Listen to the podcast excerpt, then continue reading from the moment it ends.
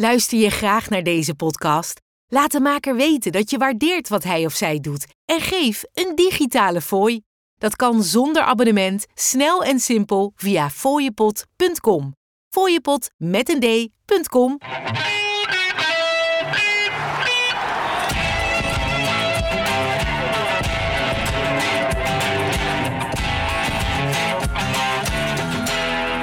Hey, what's up? Wat goed dat je luistert naar de podcast Echt Amerikaans. Dit is aflevering 26 en de eerste aflevering van het nieuwe jaar 2024.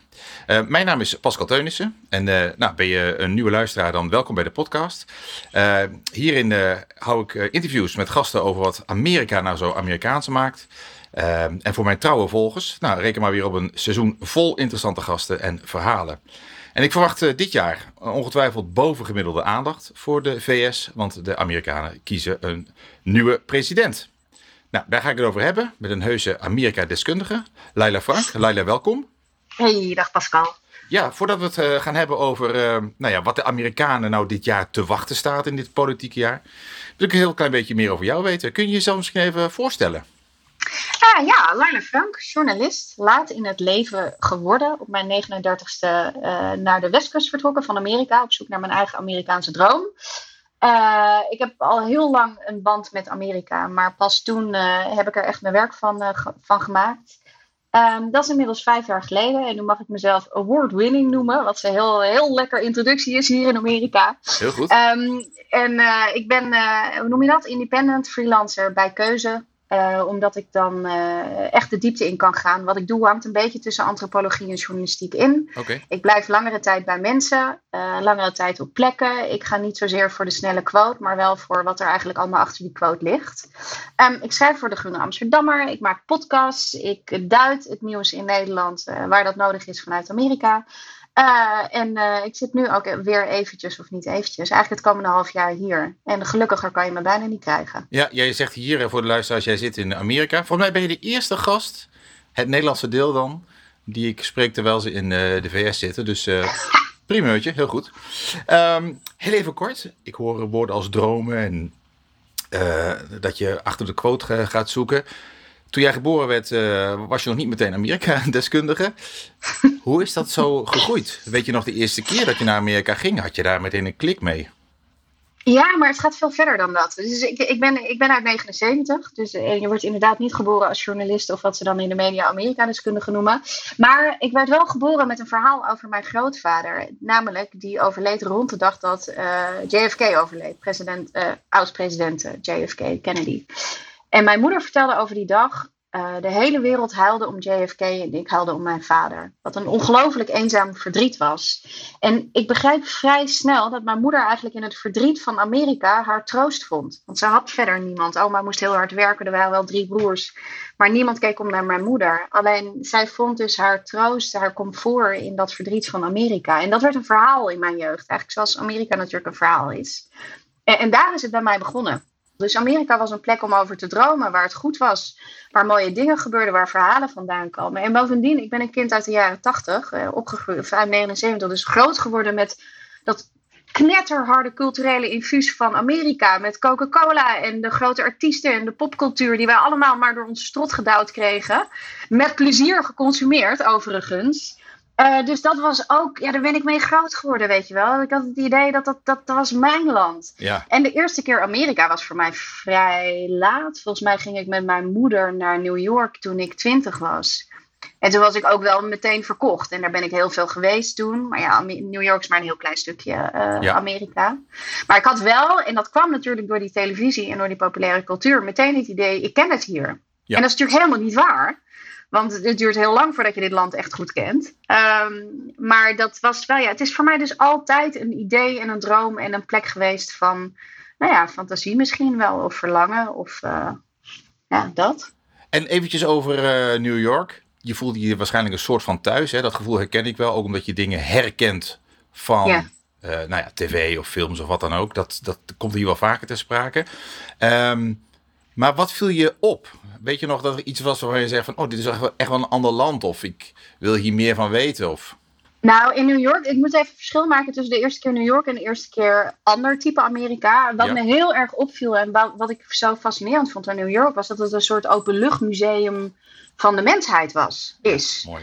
Ik, ik, bedoel, ik kom uit Nederland en dan uit Amsterdam. Maar Amsterdam is ook maar een dorp. Hè? En dan kunnen we allemaal denken dat Amsterdam fantastisch is. Maar het is ook maar heel be- bekrompen op zijn eigen manier. Mhm. En New York was echt, jongen, alle kleuren van het leven. In elke smaak worden je aangeboden. Je gaat op een. Maakt niet uit waar je gaat zitten. Maar het is gewoon één grote, grote levensshow. Ja, dat vond ik fantastisch. Dus dat, dat is echt de indruk die New York bij mij enorm heeft achtergelaten. En als je vanuit New York, en dat is denk ik een van de eerste tripjes die ik heb gemaakt, gewoon upstate gaat rijden. eh, hoe snel je de stad uit bent en hoe groot het contrast dan meteen is. Ik denk dat dat meteen ook een van die andere fascinaties van mij is bij Amerika. Die enorme contrasten die er zijn tussen Mhm. stad en platteland, tussen grote en het kleine, tussen opvattingen over het leven. En het ligt allemaal voor het oprapen. En hoe leeft dat dan samen? Dus daar zit voor mij.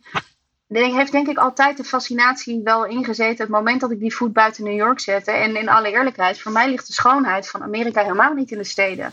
Die ligt juist in het in de auto stappen, op weg gaan. De kleine dorpjes, de natuur bovendien. Ja, daar ligt het voor mij, weet je Ja. wel. Steden zijn steden. Even heel plat gezegd. Maak je vast geen vrienden mee, maar...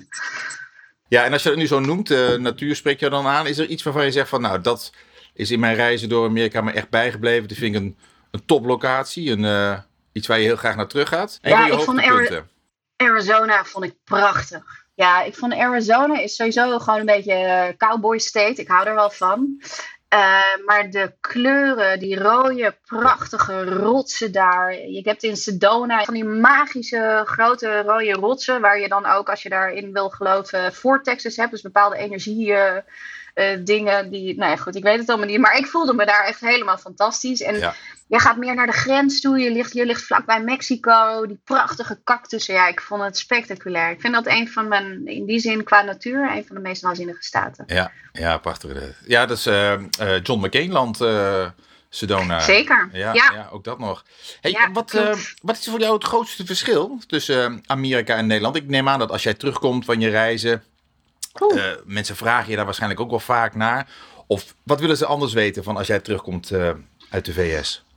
Ja, dat zijn twee verschillende vragen. Ik denk, wat ik het grootste verschil vind, eh, is de omvang. En dat klinkt een beetje flauw, maar uit die omvang komt heel erg veel voort. Hoe groot het land hier is, hoeveel ruimte je dus letterlijk kan hebben.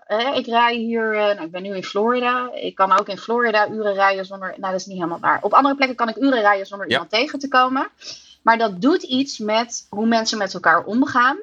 Het doet iets met hoe mensen vriendschappen hebben en relaties onderbouwen. Hè? Nederlanders zeggen vaak over Amerika, hè? die oppervlakkige vriendschappen. Ja, nogal Op wie die dus. manier Mensen- ook.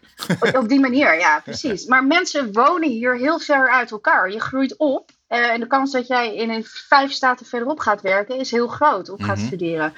Dus die vriendschappen, in mijn opvatting, zijn helemaal niet oppervlakkig. Want op het moment dat je elkaar ziet, is het heel intens. En ben je daar in het moment.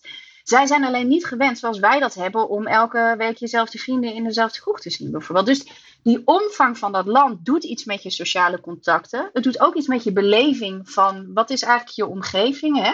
Ik snap best wel dat ik kom nog wel eens mensen tegen die nooit Amerika uit zijn geweest. Ja. En die zeggen dan ja, maar je hebt hier alles wat je nodig hebt. Ja. En qua natuur is dat zo. Het is fantastisch. Je hebt alles er. Maar het doet ook iets met mij in die zin. En ik denk met veel mensen. Nederland is klein. Wij zijn echt een heel klein land. En wij letten verschrikkelijk op elkaar.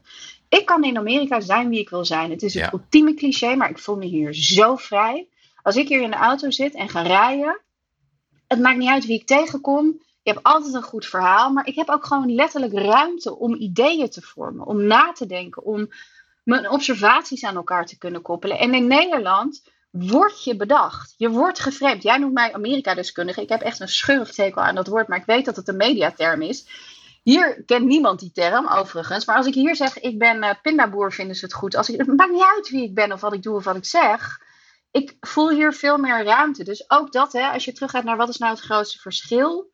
En ik zou het terug moeten brengen naar iets, dan is het denk ik de omvang en de ruimte. Omdat Ja. dat door alle lagen van het leven iets met je doet. Hoe noem je je daar wel? Als je geen Amerika-deskundige genoemd journalist. Ik ben, ik, ben, ik ben journalist. En dat, dat is mijn handelingskader. En tegelijkertijd moet ik het ook loslaten hoor. Want het is natuurlijk, je moet jezelf ook niet al te serieus nemen. Ja. Maar ik vind media, Amerika-deskundige is een totaal onbeschermd beroep. Je kan krantenlezer Zeker. zijn, hobbyist, je kan wetenschapper zijn, je kan, of dus journalist. En het maakt uit vanuit, denk ik, vanuit welke bril en met welk handelingskader je het hebt over Amerika.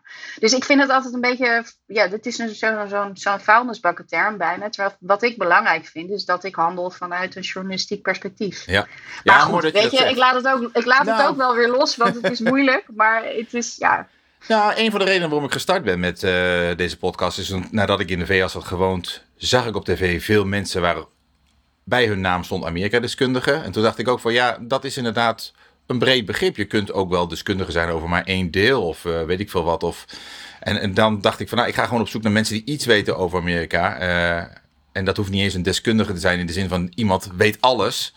Ehm, maar zo hoop ik dus met verschillende gasten verschillende dingen te bespreken. Dat ga ik straks met Ja. jou ook doen. We gaan ons eh, focussen op eh, een onderdeel van eh, hetgeen zich op dit moment aan het afspelen is in Amerika. Wil ik je toch nog heel even vragen voordat we daarheen gaan. Zijn er zaken die ehm, jij mist als je nou weer terug bent in Nederland? Zijn er Amerikaanse dingen die jij mist? Of iets waarvan je zegt, oh hadden we dat in, maar in Nederland? Nou, ja, iets waar Nederlanders een hekel aan hebben, wat ik fantastisch vind. Nee, de, de hartelijkheid. Oh ja. En ook gewoon het serviceniveau. Ja, die kunnen mensen dan heel vervelend vinden dat er steeds iemand aan je tafel staat om te vragen of het goed gaat en of je nog iets nodig hebt. Ik vind dat helemaal fantastisch. En mensen zijn hier hartelijk en ze zijn warm en ze groeten elkaar en ze zijn aardig. En Nederlanders zijn gewoon af en toe echt ontzettend botte horken. Ja, ja waar komt dat toch vandaan? Waarom zijn we dat toch? Ja, nee, ik weet het niet. Nou, laten wij eh na de bumper, zoals we dat eh, noemen, eh, even verder praten over Amerika.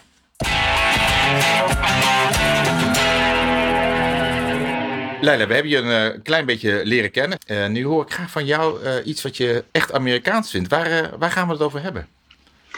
Eh, campagnes, politieke campagnes. Ja. En eh, dit is natuurlijk het grote jaar van de presidentsverkiezingen. Althans, daar richten wij ons op. Maar onder de radar wordt er op, eh, wat is het, 7, no- 5 november niet alleen gestemd voor presidenten, maar ook voor senatoren, congresleden, sheriffs, burgemeesters, initiatieven om de speeltuin te financieren, noem het maar. Ja, Ehm, en sowieso, eh, dit is, elke dag is er wel, wordt er wel iemand verkozen in Amerika. En dat maakt het ook wel een beetje het, eh, nou ja, noem je dat, het, het, wereldtoneel van, eh, van de politieke campagnes. ja, ja. Wat is voor jou een campagne? Ik bedoel, is dat Hmm. folders uitdelen? Is dat radiospots? Is dat, is dat alles? Wat versta jij Nee, daaronder? Ik versta onder een campagne een wedstrijd verhalen vertellen. En het gaat over het neerzetten van een vergezicht ja, van waar je heen wil, als in Mhm. dit geval eh, president en waar, waar het land heen moet. En daaronder hangt een hele machinerie van eh, op wat voor manier doe je dat dan en welke middelen zet je in enzovoort. Maar in de kern is het voor mij een wedstrijd verhalen vertellen. Oké. En hoe vertel je zo'n verhaal? Want eh, ik neem aan dat Amerikanen iets willen horen. Een bepaald soort verhaal waarmee je wel scoort en verhalen waarmee je niet scoort. Nou ja, in de kern gaat het erom dat mensen zich ergens in herkennen. In datgene wat je vertelt. Hè? Of dat nou is Make America Great Again. Of eh, hè, ze, nemen ze nemen ons onze vrijheden af. Lees Kamala Harris en Joe Biden op dit moment. Of het einde van de democratie. Kiezers moeten zich herkennen in datgene eh, wat je vertelt. Een zekere vorm van sympathie hebben. En ook een zekere vorm van vertrouwen in jou of in de, in de partij. eh, om ze mee te kunnen krijgen. Ik gebruik de term verhalen vertellen ook, nog even los omdat ik denk dat het zo is, omdat het vertellen van verhalen zoiets ongelooflijk Amerikaans is.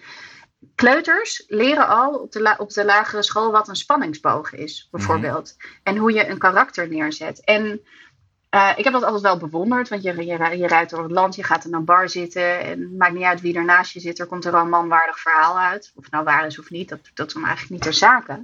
Maar ik ben verhalen vertellen ook gaan leren begrijpen als eigenlijk een noodzakelijke overlevingsskill voor Amerikanen. Omdat je altijd iets te verkopen moet hebben hier. Je wordt geboren om te vechten en om te winnen, feitelijk. Ehm, en je moet of jezelf kunnen verkopen in de klas of voor het team. Je moet een product kunnen verkopen. Je moet een politieke partij kunnen verkopen. Dus dat verhalen vertellen zit zo in de, in de ziel en eigenlijk ook in de cel van die Amerikanen. Misschien even een, een, ik weet niet of dit de ruimte is al voor een anekdote of een zijpad. Maar ik heb in 2012 had ik, heb ik mezelf een aantal maanden aangesloten bij, als vrijwilliger bij de Obama-campagne in Philadelphia. Dat was destijds ook mijn carrière. Ik heb 14 jaar lang in politieke en ambtelijke omgevingen rondgelopen voordat ik de journalistiek inging.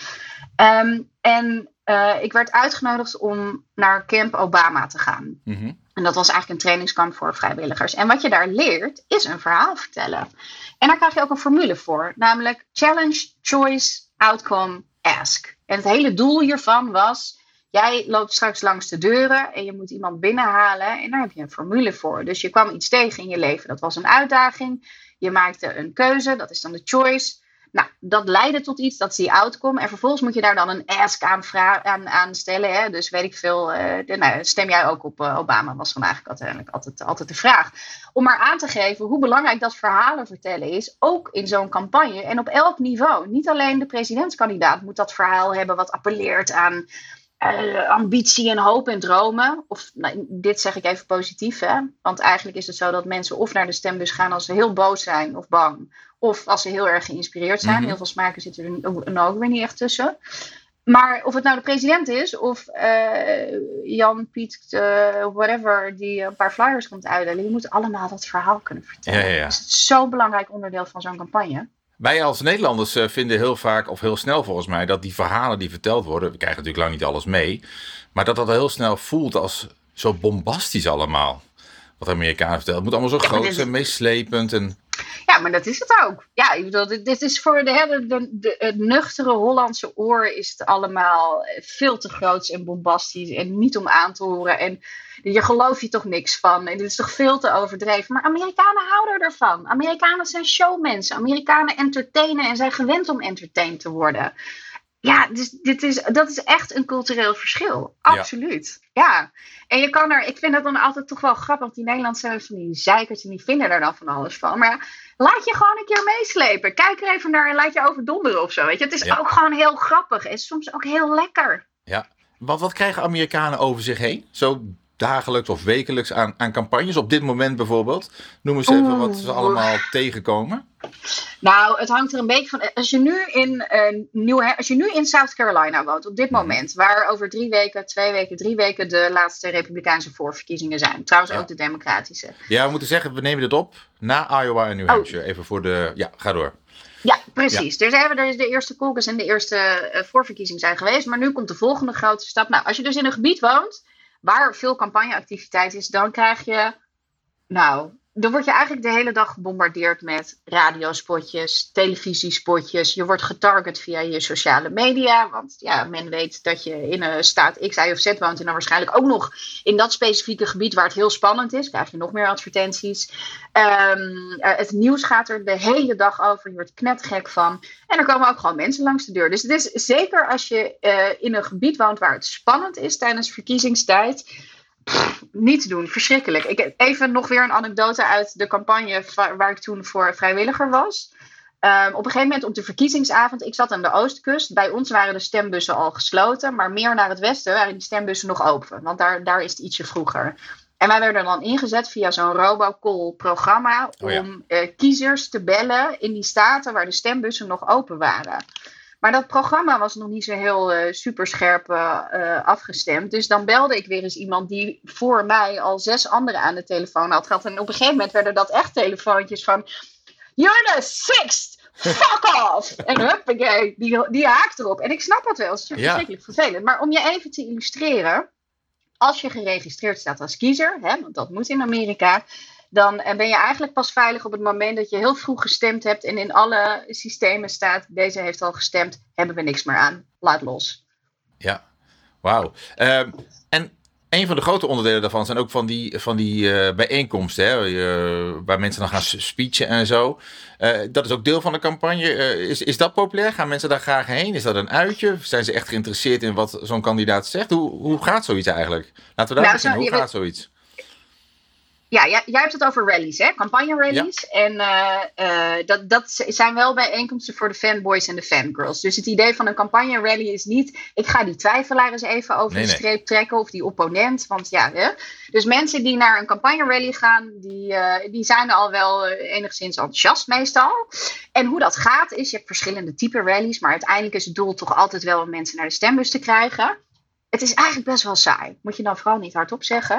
Um, het duurt namelijk heel lang. Dus hoe groter de hoofdact. Ik ben bijvoorbeeld wel eens, als je dan naar een, een, eh, rally gaat van uh, Obama bijvoorbeeld mhm. destijds. Of nu van uh, Joe Biden. Je hebt een enorme voorprogramma. Dus eerst mag de. Nou, er wordt sowieso altijd even de prayer gezegd. Althans, in ieder geval bij de Republikeinen. Niet altijd bij de Democraten. De Pledge of Allegiance doen we even met z'n allen. iemand zingt het volkslied. Jawel, dit gebeurt gewoon allemaal continu. En dan komt de lokale voorzitter van de lokale partij, die mag iets zeggen. Daarna mag de eentje hoger. Dan is er nog een lokale vrijwilliger die altijd even iets mag zeggen. Dan is er nog een lokale artiest of een lokale. Weet je, nou goed, het gaat maar door. Dus je bent zo ongeveer anderhalf uur kwijt voordat je een keer de hoofdact krijgt. Nou, dan komt de hoofdact, dat is dan een grote kandidaat. Eigenlijk weet je al wat hij gaat zeggen. Want zo'n kandidaat heeft wat ze dan noemen een stump speech. Gewoon één verhaal. Dat tweak je een paar keer. Die zegt uh, hallo Iowa in plaats van hallo New Hampshire. En je haalt nog een lokale anekdote aan. Want je kwam niet een, uh, een boer tegen, maar een, uh, weet ik veel, een tech iemand of zo. Weet ik veel. Je, je past het een beetje aan. en dat is gewoon echt bedoeld om, um, om de achterban warm te houden en te enthousiasmeren. En mensen aan te moedigen om ook weer anderen te enthousiasmeren. Dus zo'n campagne rally, dat zijn natuurlijk grootse beelden en die zien wij heel veel. Ja. Eh, in Nederland. Het is ook echt, bedoel, het duurt lang, maar het is ook hartstikke leuk. En ik kom natuurlijk uit de politieke hoek, dus ik kijk daar ook altijd met een beetje vakmatig naar. Hoe zitten ze op, hoe hebben ze het gedaan, wie doet wat enzovoort. Dus dat is ook gewoon altijd in die zin heel erg leuk. Uh, en af en toe heb je noviteit op zo'n rally. Dus bijvoorbeeld vier jaar geleden, toen Elizabeth Warren, senator, en uh, nog een serieuze kandidaat was bij de Democraten, ging zij met iedereen die dat wilde een selfie maken. Ik heb een keer zo'n rij gestaan. Dan ben je dus nog 2,5 uur bezig. En je wordt gewoon door een soort van supermachine geleid. Je moet voor de tien mensen voordat je bij haar bent, gaf je er telefoon af aan een medewerker en je tas. En kon je nog even je haar doen. En dan echt binnen drie minuten was je weer die machine door. Weet je. Dus af en toe is er een soort van noviteit op zo'n rally. En dat is ook gewoon bedoeld om, uh, om het nieuws te halen. En ja. De meeste kandidaten zeggen niks nieuws. Alleen Donald Trump weet altijd wel weer iets, uh, toch een nieuwtje of een dingetje of een uitspraak te doen, waardoor zo'n rally dan toch weer nieuws wordt. Ja, want dat wil je uiteindelijk toch wel doen, of niet? Je wilt toch wel het nieuws weer halen als kandidaat, of niet, na zo'n rally? Uh, ja, wel, maar niet, niet elke keer. En dat, dat is dus ook het verschil tussen een, wat ze dan noemen get out the vote rally. Dus gewoon een rally die bedoeld is om zoveel mogelijk mensen naar de stembus te krijgen en te enthousiasmeren. Of echt een rally waar je een speech gaat houden, bijvoorbeeld vanwege een beleidsagenda. Hè? Joe Biden die met zijn infrastructure bill uh, oh ja. ergens in een... Uh, hoe noem je dat, in een, in een hangar staat of zo. En daar iets mee wil. Of de vakbonden wil bereiken. Dan, heb je, dan heeft je zo'n uh, rally een ander doel. Ja, uh, je vertelt het verhaal over dat het over verhalen gaat. Uh, nogmaals, ik probeerde er een beetje vanuit Nederlandse, uh, met een Nederlandse blik naar te kijken. Zo'n zaal of een grote venue die je dan moet huren om uh, zo'n speech überhaupt te kunnen houden, is enorm groot. soms komen er artiesten, al het materiaal wat je verstuurt. spotjes op tv kosten veel geld. Nou, je voelt al aan waar ik naartoe ga. Veel Nederlanders denken van ja, het gaat er vooral om wie het meeste geld transfereert. Verhaal. Het gaat er om uh, de meeste dollars, de meeste sponsoren. Uh, wie het rijkst is, wint. Is dat, is dat het ook? Of?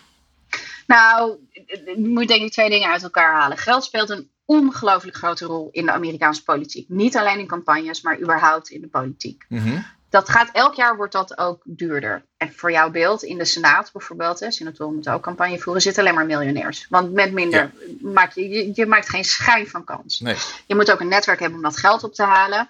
Dus ja, geld speelt een enorme rol. Um, misschien nog even één, en dan kom ik zo meteen op het punt, is dat dan het enige? Nog even een zijanekdote. Toen ik in 2012 dus voor die Obama-campagne aan de slag was, ik wilde eigenlijk helemaal niet voor de Obama-campagne aan de slag. Ik wilde voor een senator werken, want dat leek me veel interessanter, dichter op het vuur enzovoort. Mm Uh, dat heb ik een week gedaan, maar die man die was zo goed en zijn tegenstander was zo slecht dat mijn baas zei: Je kan beter bij de Obama-campagne gaan, want hier hebben we echt niks meer we voor je te wel. doen. maar ja, precies. Maar die ene, en het werd een all-TV-campaign, dus we gingen helemaal niet met een bus de, de, de, de staat door. Dus er waren alleen maar spotjes. Anyways, waarom ik het vertel is um, dat mijn senator destijds. Uh, er zitten zeven dagen in een week. Op zondag was hij vrij, want dat was voor God en familie.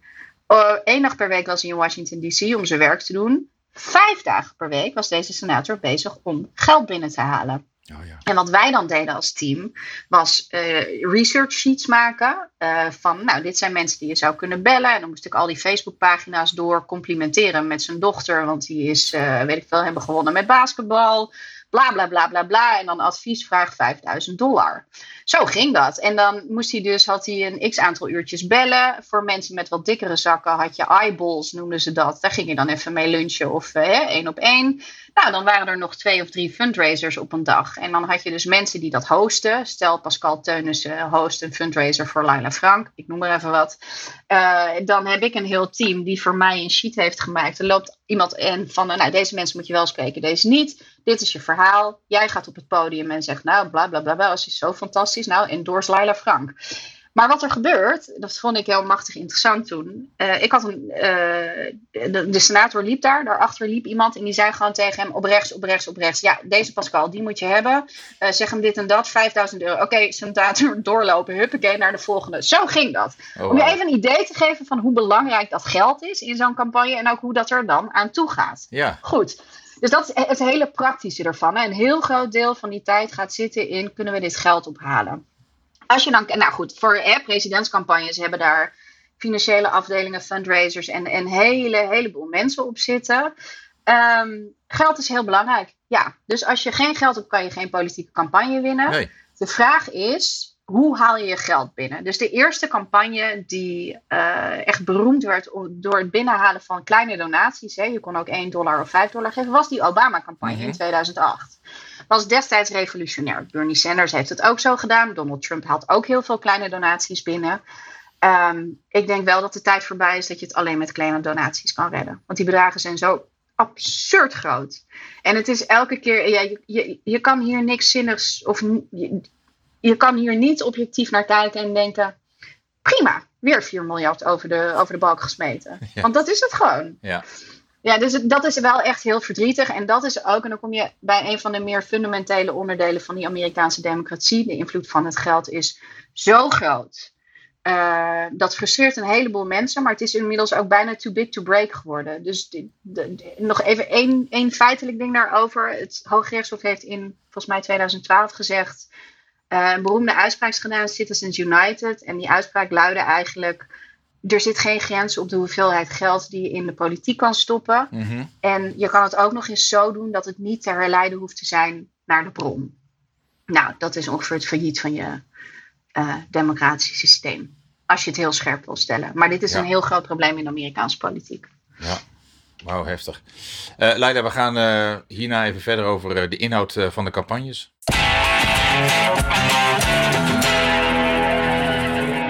Leida, die eh, campagnes, hè, nogmaals, ik kijk er met een Nederlandse blik naar eh, op dit moment. En ja, het zijn, als je die filmpjes ziet, niet te vergelijken met dingen die we hier in Nederland doen. Hè, bij, tijdens eh, politieke campagnes. Er, worden bijna complete speelfilms gemaakt om Amerikanen ja, te bewegen om een bepaalde kandidaat te stemmen.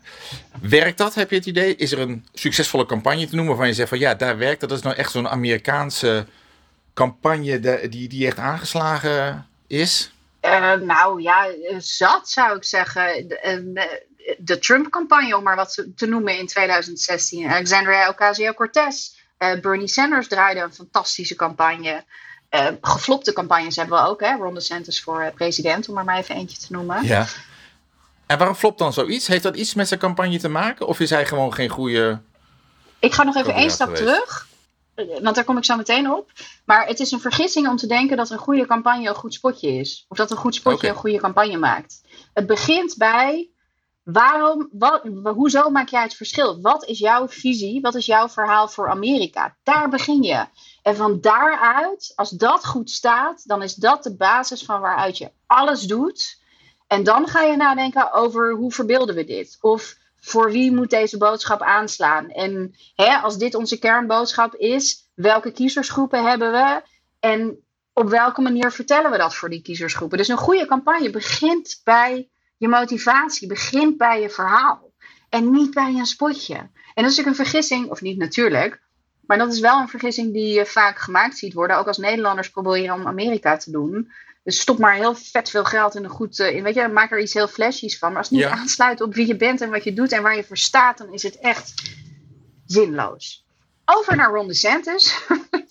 ja, er zijn denk ik veel redenen waarom die campagne het niet werkt. Maar uiteindelijk was Ron DeSantis. Nou, er zitten misschien wel een paar interessante dingen in campagne technisch. Ten eerste hij was niet onderscheidend genoeg ten aanzien van Donald Trump. De meest, het meest gehoorde commentaar wat ik hier heb gezien uh, na, uh, of over Ron DeSantis was... Why would you go see the cover band if the real band is still playing? Weet je wel, waarom nep cola als de echte cola gewoon beschikbaar is? Um, want hij probeerde zich neer te zetten als Trump zonder drama. Maar dat is gewoon geen goede propositie, want iedereen wil Trump. Dus dat had hij al verloren. Dan heb je nog het hele onderdeel van wat ze hier noemen retail politics. Ja, dat je in zo'n Iowa en New Hampshire, dat je gewoon leuk bent met mensen. Dat je een klik hebt, dat je een connectie kan maken, dat je spontaan face bent. Face-to-face, ja. Face-to-face, dat je chemie hebt met mensen. deze man heeft geen chemie met mensen. Het is echt enig om te bekijken. Uh, mensen die een heel verhaal tegen hem beginnen. Hij zegt bijvoorbeeld heel vaak, oh, het is niet van, uh, goh, eh, ik ben Laila en ik ben hier. En dan zegt hij, oh, in plaats van, oh, wat leuk, ik ben Ron en wat doe je hier of zo. Weet je. Nou, dus hij, hij miste ook die chemie, want dat heb je namelijk ook nodig als je een goede kandidaat bent. Moet je ook die connectie één op één kunnen maken met mensen. Nee, goed, en er waren nog wel wat dingen, maar dit, dit waren denk ik de twee belangrijkste dingen. Die dus appelleren aan twee hele verschillende onderdelen van dat campagnevoeren. Namelijk A, ben je onderscheidend genoeg, maar ook B, kan je gewoon een verbinding maken met mensen. Ja. En misschien nog één ding, denk ik. Hij heeft zich heel erg neergezet op zijn um, Florida-agenda. De Centers werd groot in, uh, in Florida tijdens corona als het grote verzet uh, tegen de overheid die zo ver ingreep in, uh, nou, in, de, in de woke-onderwerpen. En hij, zijn slogan was: maak van Amerika Florida. Maar Florida is echt een hele eigen staat met hele specifieke bewoners. Allemaal mensen die juist vanwege Ron DeSantis naar Florida zijn gekomen. Maar het is niet Amerika. Nee. Dus die vertaling van zijn eigen unieke staat, bijna een land op zich. En dat plakken op dat hele grote land. Waar zoveel uh, verschillende plekken, samenstellingen zijn. Dat heeft gewoon ook niet gewerkt. Nee. Nu hebben we dus nog uh, twee kandidaten, Nikki Haley en Donald Trump. Ze zitten nog steeds in. Uh, ook al heeft Trump toch een redelijk grote voorsprong, denk ik. En uh, Biden, die uh, namens de Democraten, uh, ik neem aan ook al campagne voert. Tenminste, ik neem aan dat hij nou, wil, wil, profileren als... Zeker. Ja, vergeet, vergeet Marianne. Williamson niet. oh, er ja. zijn ook nog andere democraten. Die ja. slaan geen deuk in een pakje boter hoor, ja. maar toch. maar zou je Voor iets... de volledigheid. ja, heel goed. Iets kort over deze drie kunnen zeggen. Wat is de toon van hun campagnes? En dan ga ik je toch vragen of je iets wil zeggen over wie je denkt dat het uiteindelijk uh, gaat redden straks. maar eerst even over de toon van hun campagnes. Nou, Waar proberen ze mee te winnen? Nou, ik denk dat we. Het, het is gewoon een two-man race. Dus je ziet dat Trump eigenlijk. Ja, die moet nu wat aandacht besteden aan Nikki Haley. Maar het liefst doet, doet hij alsof ze er niet is. En Biden heeft zich ook volledig op Donald Trump gericht. Dus Nikki Haley doet er best. Maar klaar eigenlijk. Dus volgens mij hoeven we het daar ook niet meer over te hebben. Sorry, Nikki Haley. Uh, maar even dan toch één korte noot. Zij is meer de oldschool Republikeinse partij, als ik het zo zeg, en Trump is maken. Dat is even heel plat geslagen. Hè? Zij appelleert aan de Reagan, uh, Reagan uh, um, Republicans en de good old grand old party mm -hmm. versus MAGA. Dat is even dat. Is even dat. Um, Joe Biden zet een campagne neer die gaat over uh, dit is het einde van de democratie. Als Donald Trump in, uh, in het Witte Huis terechtkomt. Ja, ja. En uh, versterkt door het grote gevaar eigenlijk van onze vrijheden in de democratie. Donald Trump zet een hele duidelijke Make America Great agenda neer. Ik, bij Donald Trump je hoeft echt niet af te vragen waar hij voor staat en of het nou heel anders is. Hij voegt er iets aan toe. En dat vind ik wel heel interessant. Joe Biden heeft het steeds over de democratie. Maar hij gaat er een beetje van uit dat de meeste kiezers daar hetzelfde onder verstaan als hij. En ik denk ook dat we in Nederland die denkfout maken. Terwijl ik zit nu echt in Trumpland. Hè? Maar mm-hmm. meer Trumpy dan dit krijg je het ongeveer niet. Het gevaar voor de democratie zien zijn kiezers in de media. In de deep state. Het idee dat de overheid erop uit is om hen te pakken. Oh ja. uh, zit hem in de liberale elites. Dus als Donald Trump het heeft over het afbreken van dat overheidsapparaat, dan roept iedereen, oeh, einde van de democratie. Maar zijn kiezers zien dat echt heel anders. En dat is zo een fundamenteel ander idee van hoe mensen kijken naar wat democratie is. En ik heb het idee dat we daar helemaal geen zak van begrijpen in Nederland. Tenminste, nou zeg ik het een beetje, zo bedoel ik het niet. Maar ik vind dat echt een fundamenteel verschil. En dat, heeft, dat, dat is dus wat bijvoorbeeld hier zitten mij weer leert.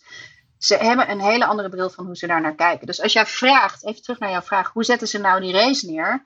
En dan heeft Biden het over het eind van een democratie en het einde van onze vrijheden. En daarmee probeert hij natuurlijk en zijn eigen kiezers, maar ook die twijfelaars die genoeg hebben van Donald Trump mm te bereiken. Tegelijkertijd heb je Donald Trump, die hè, onder de democratie en het gevaar daarvan iets heel anders verstaat, waarbij hij een zeker electoraat aanspreekt, lang niet iedereen, maar tegelijkertijd zijn Make America Great agenda, waar die eerst zo groot mee is geworden. Dus het zijn twee fundamenteel andere campagnes, andere boodschappen en andere ideeën over wat deze verkiezingen betekenen en waar het heen moet. En wat ik op dit moment spannend vind, is. Kijk, het is totaal zinloos om nu een uitspraak te doen over wat er in november gaat gebeuren. Want er gaat heel veel gebeuren in die tussentijd. Als je me vraagt de temperatuur nu op te meten, vandaag, zie ik een enorm enthousiasme voor Donald Trump. Onvergelijkbaar met vier jaar geleden groter. Toen was ik hier ook. Maar het is zichtbaarder, voelbaarder enzovoort. Maar ik zit ook midden in Trumpland. Ik ga volgende week weer naar Pennsylvania, meer swing country. Dus daar, daar moet ik het dan ook voelen. Ehm, dit is ook het moment dat mensen gewoon nog niet enthousiast zijn voor Joe Biden. Eigenlijk is niemand echt, hè, het is een beetje de paradox. Niemand zit op deze race te wachten. Tegelijkertijd zijn dit de twee kandidaten die de kiezers en de partijen naar voren hebben geschoven. Dus ja. We moeten het ermee doen, hè? we moeten het ermee doen. Dus op dit moment, en dat was vorige keer ook zo, mensen waren negen maanden van tevoren niet enthousiast over Joe Biden. Maar uiteindelijk zijn ze wel komen stemmen. Ja. Dus ik, het is zinloos om nu iets te zeggen over november. Kan je wel zeggen wat ik nu zie. En dat is het enthousiasme ligt nu bij Donald Trump. Uh, niet bij Biden. Maar dat zegt nog niks over november. En God knows wat er allemaal nog gaat gebeuren. Ja. Oké. Als laatste vraag. Ehm, al die campagnes hè, die jij nu van dichtbij ook meemaakt, ehm, is er iets waarvan je zegt van nou, dat zouden ze in Nederland wel over kunnen nemen? Oeh. Past er iets bij ons? Zou het werken? Ja, dit is altijd. Ik, ehm, ik vind dat heel gevaarlijk. Ik vind juist die fetish met die Amerikaanse campagnecultuur en ook met de Amerikaanse mediacultuur, laten we daar alsjeblieft ver van weg blijven. Ehm, we maken ook vaak de vergissing, ook in de campagnewereld, van we gaan het doen zoals de Amerikanen. Alleen we hebben het budget van Nederlanders. Uh, en dan krijg je dus net niks. Uh, dus, dus dat werkt al heel vaak niet. Je, je, moet je echt. De hoeveelheid kennis en geld die hierin worden gepompt, dat is onvergelijkbaar met wat wij hebben. Dus dan krijg je echt uh, slap, slap aftreksel van een aftreksel. Maar de dynamieken van uh, de polarisatie, het uitvergroten, het vijandbeeld ook in de media, de opinies boven de, de, het journalistieke werk. Ja, ik, mhm. ik vind dat heel gevaarlijk. Ik wil daar liever heel ver weg van blijven. En tegelijkertijd is het natuurlijk een beetje de ironie. Soms geniet ik ook enorm van een wel een heel mooi, prachtig campagnefilmpje. Of, uh, nou, misschien moet ik het anders formuleren. Laten we alsjeblieft de inspirerende dingen en de hoopvolle uh, beelden meer naar Nederland halen. Alhoewel, ik ga mezelf enorm tegenspreken. Dat mag. Uh, je moet ook realistisch zijn. Als je alleen maar als je een perspectief neerzet dat niet haalbaar is of realistisch, dan belazer je mensen ook. Dus ik ja, vind het een hele moeilijke vraag. Had je mij dit 15 jaar geleden gevraagd, had ik heel anders geantwoord. Want toen vond ik het allemaal fantastisch wat er in Amerika gebeurde. En het meteen in Nederland qua campagnes. Ja. ja. weet je wel, dan werd je dan ook gevraagd. Maar ik ben daar echt in gedraaid. Ik, heb, ben daar echt, uh, ik maak me daar zorgen over zelfs. Dus uh, laten we het vooral hier houden. Maar ja, we weten ook dat dat niet gaat gebeuren. Ja, Leila, ontzettend bedankt eh, voor jouw uh, toelichting op alles wat uh, zich daar nu afspeelt. Als mensen jou willen volgen, of eerst willen vinden misschien gewoon, als Amerika-deskundige, als journalist, ja, waar, kunnen ze, waar kunnen ze jou vinden? Instagram is mijn happy place. Mhm. L Frankie uh, Goes West. Uh, Twitter doe ik eigenlijk nooit meer wat op. Ik vind het echt een, een, een baggerplek. Ik weet dat dat als journalist niet de bedoeling is. Maar ik deel veel op Instagram. En daar vind ik het hartstikke leuk. Uh, en daar, daar kan je mijn reizen ook het meeste volgen. Um, en verder, en daar, daar post ik ook gewoon wat ik publiceer. Of waar ik te zien of te beluisteren ben. Dus Instagram, L Frankie Goes West. Perfect. Gaan we dat volgen. Enorm bedankt voor je tijd. En heel veel plezier. Ja, heel bedankt, eh, Pascal. Succes daar.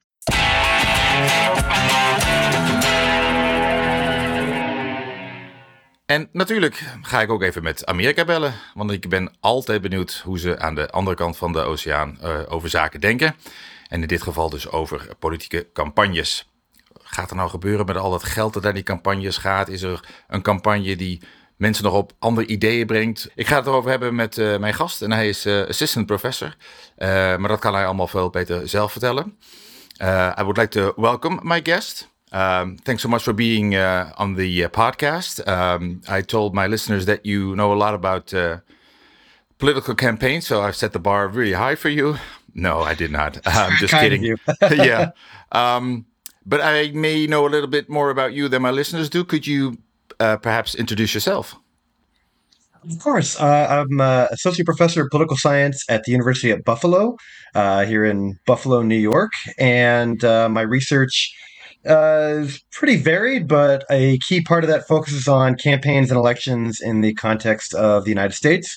And I do a lot of things revolving around how to reform the electoral process here and the ways in which those reforms intersect with campaign strategy.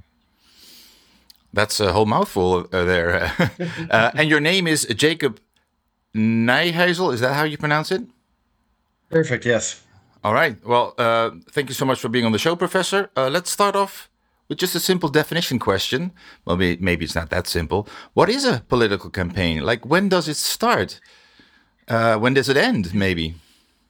That is a really good question, and, and you're right. It's not a, a simple one. Um, you know, legally, there is a start and an end to a campaign here in the United States. Um, candidates for higher office, or if they think they might want to run for higher office, are not allowed to to campaign um, unless they have gone through certain legal hoops. They are allowed oh. to uh, form what's called an exploratory committee, which means they're doing some polling, they're doing some travel to meet with party leaders, um, so they can do that. But legally, once they start a candidate committee, they are running for office, and their campaign is officially started. Analysts oh, such as myself think of the the campaign as basically starting after Labor Day here in the United States basically late summer in the year of an election. Um, but you know, there's a lot of theorizing that suggests that political types are always campaigning. There's such a thing as a permanent campaign. They're never right. not thinking about the way in which what they do is going to reflect in the electoral context. Right. Yeah. So because I was watching uh, reruns of uh, The West Wing, uh, that's a series about uh, a, a fictional president. And uh, his vice president uh, suddenly was writing a book, and everybody was saying, "Oh, he's going to run for uh, president." And I was like, "Is that now the start of his campaign that he is publishing this book, or what do you think?" Oftentimes, uh, particularly for uh, at the presidential level, a good way to tell if somebody's interested is they've written a book, and um, yeah, that's that's one of those indicators that oh, they might be thinking about running. Um, they might be looking to to form that exploratory committee and then throw their hat in the ring to uh, to, to run for higher office. So there is an official definition of uh, campaigns. Um, when you look at, say, the last five presidential elections, have you seen changes in the way people are campaigning? Oh, that's a really good question. Um, I think that um, campaigns are always looking for an edge. They're always looking for maybe a technological advancement, maybe a way to think about the electorate that they hadn't thought about in the past. And so I think that uh, a lot of those innovations have been technological. You get in the 2012 campaign, particularly in, uh, with uh, respect to Barack Obama, they bring a lot of things in house, meaning that they they take media buying, they take other aspects of the campaign that they might have subcontracted out before and they brought that all under one roof and so that could be coordinated centrally with their strategy people with their analytics people to come up with a complete picture of what the campaign should be doing at any given moment of the campaign and make adjustments in real time depending on what the data and information they're getting back are telling them. So I think that's been a real innovation, and I think that the 2012 Obama in particular uh, was a learning experience for a lot of campaigns in terms of integrating analytics with strategy and with uh, the people who are actually airing ads and knocking on doors. So I think that was maybe a sea change in how we thought about campaigns. It became much more technical. Certainly, there are still people working in campaigns who have a good feel about politics, and that's right. what guides them. But increasingly, campaigns are looking toward the technical side employing former or current political scientists, statisticians to do a lot of the work of crunching the numbers and creating predictive models to see how they can best reach the electorate, what their targets are going to be. Uh, so I think that's one big innovation in the last five cycles or so. Uh, I think another change, I don't know if it was an innovation, but a change has been we, we're starting to see a shifting of some of the coalitions that make up the party's base. It used to be that the Democratic Party was sort of the party that we thought of as being, uh, you know, for the little guy, for the people, and right. they they tended to to play rather well among folks who only had a high school education or only some college that demographic has shifted more in favor of Republicans in recent cycles, particularly because of Donald Trump reaching out to them and, and moving them into his camp. And so we're starting to see some of the kind of fundamental features of American politics shift a little bit. I don't know that that was necessarily related to what his campaign did, although we can't necessarily dismiss that either. But if I had to put my finger on the one big advancement, it's been integrating analytics with the rest of the campaign team.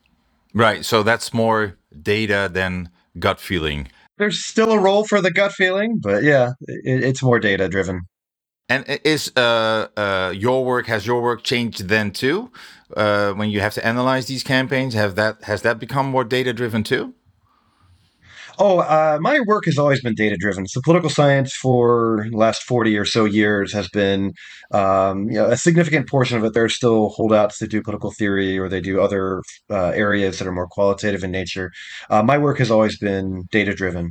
Political scientists and political practitioners each kind of have a chip on our shoulder. We think that we have the better tools, but the reality is we're using many of the same tools um, to do somewhat different things.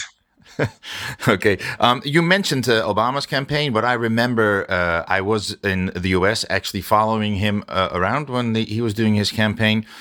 He was also very active on social media. You had that um, uh, YouTube clip with the very famous people asking uh, for uh, the, your support for Obama he did other stuff as well. His poster, like the image that he used, was very uh, iconic. Is there any other campaign that springs to mind where you're like, oh, that's a very famous one in America, and that's one that's you know maybe taught other campaigners uh, something that they should or shouldn't do?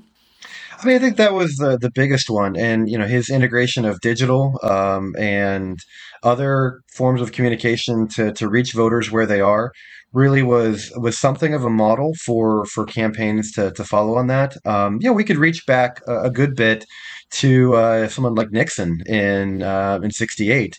There's a great book called "The Selling of the President" in 1968 by Joe McGinnis, um, where he details bringing in Madison Avenue ad executives to help run his image. Right, he wasn't going to firmly implanted in his mind was the lore that developed around that first televised debate where Kennedy looked better than he did and yeah, therefore yeah. performed From better. Sweating. And so yeah, I think, yeah, absolutely. I mean, there were a number of things that fed into that, but there, there's actually was an experiment done a number of years after the fact where they, they gave students the ability to watch the debate or listen to the debate, and they had radically different evaluations of the candidates. So there, there was something to Nixon's gut feel that it was about image, it was about the appearance.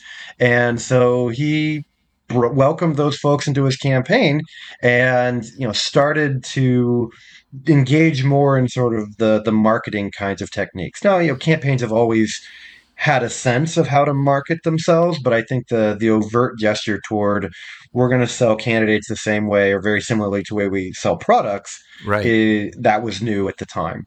Gotcha. Yeah that segues into my next question because uh, when it comes to campaigning, I think a lot of Dutch people, when we look at American campaigns, it's a lot of show to us, right? Rallies are huge. There's a lot of music, confetti, balloons, uh, songs, uh, uh famous people. Can you see how that might be a little over the top for us? Oh, absolutely. I think it's over the top for for a number of observers here um, in the United States. You know, there's a, a, very famous political scientist, Thomas Patterson, at uh, the Kennedy School at Harvard, who wrote a book uh, some number of years ago that I still refer to called "Out of Order," um, and he was referring to the the media spectacle that is the campaign. And at the end of that book, he had a number of reforms one of which was to shorten considerably the campaign. There's just too much going on. Um, it is a lot of things that someone like myself could look at and say that's not immediately relevant to the decision making process of the individual or it shouldn't be a lot of Right. image based things a lot of fanfare a lot of you know getting your group together rather than thinking about policy related kinds of, of things and so yeah I, I, as an outside observer uh, i would absolutely look at american campaigns and see them as being over the top and and not entirely necessary to to do what we think campaigns do, which is to inform the electorate and to mobilize them into the, the political fold. Right, right, right. So uh, there's a, a substantial group of Americans who uh, maybe looks at it the, the same way. But it's also a, money thing, is it not? I mean, I, Oh. I've been to rallies. These they just look expensive when you go there because they have these huge venues that you have to rent out, buses that drive all across the country. Um, is it all about money? Is it like the more money you spend, the more chance you have to win? Is that it? Yeah, money and elections have a very complicated relationship. Um, absolutely true that people make money off of campaigns and that there are a number of small diners and restaurants in Iowa that would be very upset if Iowa Right. were not the the first in the nation contest um, uh, during the nominating season. Uh, yes, absolutely. There is a boost to the local economy from ad revenue, from you know, all the venues and things that host these campaigns. Uh, yes, there there's money involved in campaigns, um, but it's not quite as simple as money buys outcomes. Uh, money is a tool in the way I think of it, and it's also a stand-in for a number of other things like candidate viability and popularity. Uh, but it is itself does not necessarily buy elections. You know, there there are a number of prominent examples. Uh, the, the the person whose whose name escapes me right now, who challenged uh, Mitch McConnell uh, in the general election a number of years back, outspent him considerably and still lost Oh. by near double digits. And so there's just a there's only so much money is going to do for you um, if the fundamentals really aren't in your favor. And the the fundamentals of that race were that it's a fundamentally Republican state right now, and she was really fighting against that. Um, he's not terribly popular, but then again, neither is Democratic brand in that place. And even if she raised tons and tons of money and spent tons and tons of money, it didn't translate into into support. So To a win, yeah. Money is a tool. Uh, I, you know, as if I were advising a campaign manager, I would say you want more of it rather than less of it. But Right. it's only as good as the kinds of things you can buy with it, and it's only as good as um, your ability to use that to, to win in the margins. And you know, could could a well financed, well run campaign shift things by a few percentage points? Sure, that's where money's going to matter. Uh, Right. But if you're starting at a 10, 15 point deficit, you can raise and spend all the money in the world and you're not going to make up that shortfall. There's just the the rules of the game are fundamentally against you in that race. Gotcha.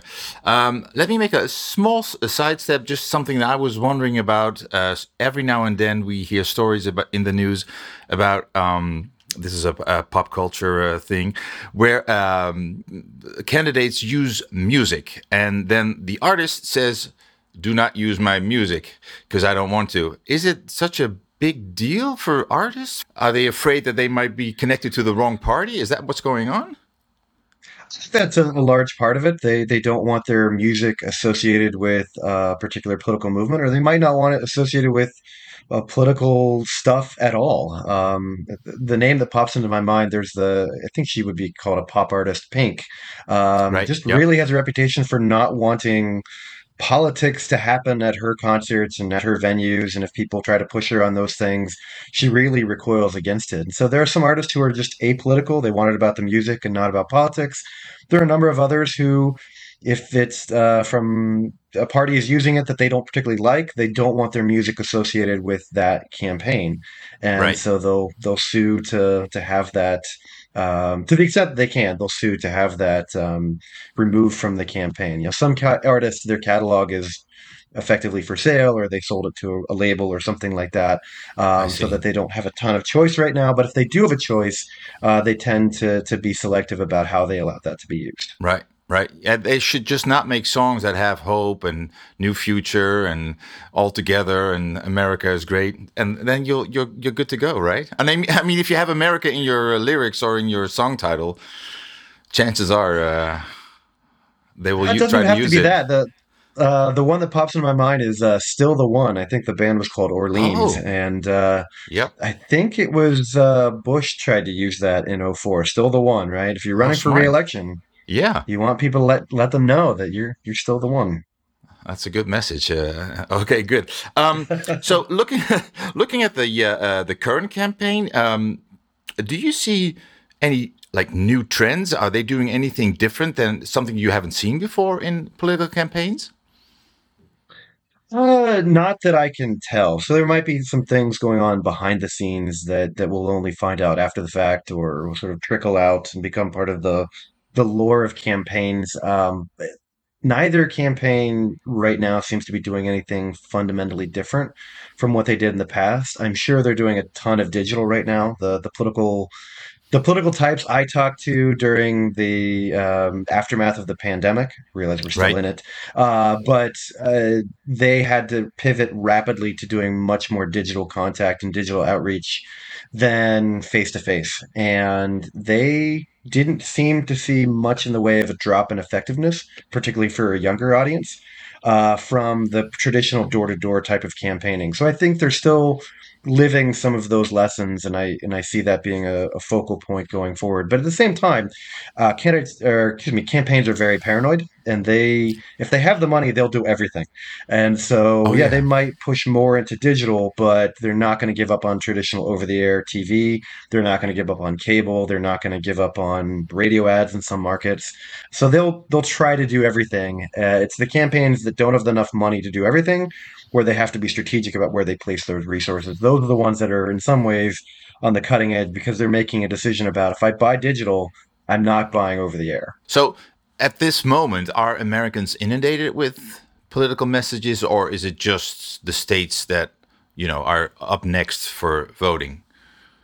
Like for you, for I example, I, I, when you turn on the radio or TV, is it poli- political campaigns everywhere all the time? Uh, not national. Uh, so New York has n- not, in my lifetime, been competitive uh, in a national race. And to the extent that we get any national advertising, it is either a mistake or geared toward uh, parts of Pennsylvania that the Buffalo media market happens to touch upon. So Right. one of the weird little quirks of media buying is that the market, the the geographic unit at which you buy advertising, um, is not bounded by state lines. And so, if you want to reach, I think it's two counties in northwestern Pennsylvania, which is generally a swing state in national elections, you have to buy Buffalo advertising. And so, to the extent that we see anything, it's spillover from ads that are geared toward um, toward Pennsylvania. So, I think if you are in a battleground state, you fundamentally live in a different information environment Right. than those who are in states that are not in play during a national campaign. And you know, there's 24 hour news is a thing. If you're a news junkie, if you're a political junkie, you can make your own information environment to be entirely about politics. But if you're just not paying attention to those things, it's not something you're seeking out, you're not going to get it because of the the geographic nature of how Right. national elections work in the United States. You can live a normal life, uh, as it were. So I grew up in Ohio, uh, which was Oh. a battleground state, and so moving Yep. to New York has been a bit different in that I just don't see it. right. Yeah. Um, let me end with this uh, question. Uh, for the people that are targeted by campaigns, um, maybe go to rallies, maybe you know want to hear the, the the candidates speak. Uh, does that matter? Do campaigns matter? Do they s- sway any votes? Yes, but at the margins is is my qualified answer to that. We're not talking about a lot of votes, um, in large part because the people who see the most of the campaign are the people who opt in, and the people who opt in are intensely interested in politics. They want to see these things. Those people also tend to have standing loyalties to a party. They have already figured out who they're going to vote for. So the the great irony of campaigns is that the people who see most of it are the least molded by them. Um, it's the people who sort of get incidental exposure along the way. Um, you know, the knock at their door from the campaign has identified Right. them as a target voter. They weren't thinking about voting, but hey, now somebody's reaching out to me. Maybe that's a, a good idea. And so, yeah, they they have an effect. Um, it's a very small one, we think. Rarely is it determinative, although sometimes it can be. Um, but at the same time, you're not going to see candidates stop campaigning. So they, they don't listen to political scientists telling them that eh, it doesn't really matter all that much. but it's it's what they do.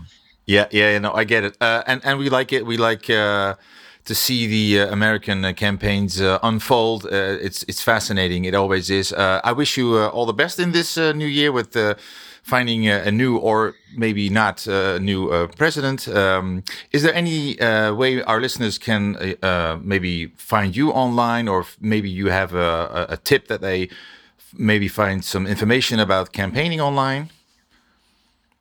Uh, I very rarely uh, talk about anything on Twitter or X or whatever that platform is, but I do occasionally. One of my main lines of my research is uh, religion and politics, two things you're not allowed to talk about in polite company. And so, apart exactly. from my work on campaigns, I do a lot on religion and politics, which might also be a not necessarily peculiarly American thing, but is definitely a, a strange thing about the American political context. So um, I oftentimes blog or write short pieces for a, a group called Religion in Public. Um, so if you just Google religion in public, that should be near the top of the list. Perfect, perfect. Uh, Professor Nijhuisels, thank you so much for uh, being on the podcast. Thanks so much for your, uh, your insights. Um, and uh, I will say uh, thank you now in Dutch. Ik moet namelijk nog even dankjewel zeggen, zoals altijd, aan Jeroen Venema voor het schrijven van het lied bij deze podcast. En Marius Kooi is verantwoordelijk voor de geluidsbewerking van deze afleveringen. Oké, eh, iedereen bedankt voor het luisteren. Volgende keer zijn we weer terug met iets heel anders. Het enige wat mij nog rest te zeggen is: keep listening. Dag.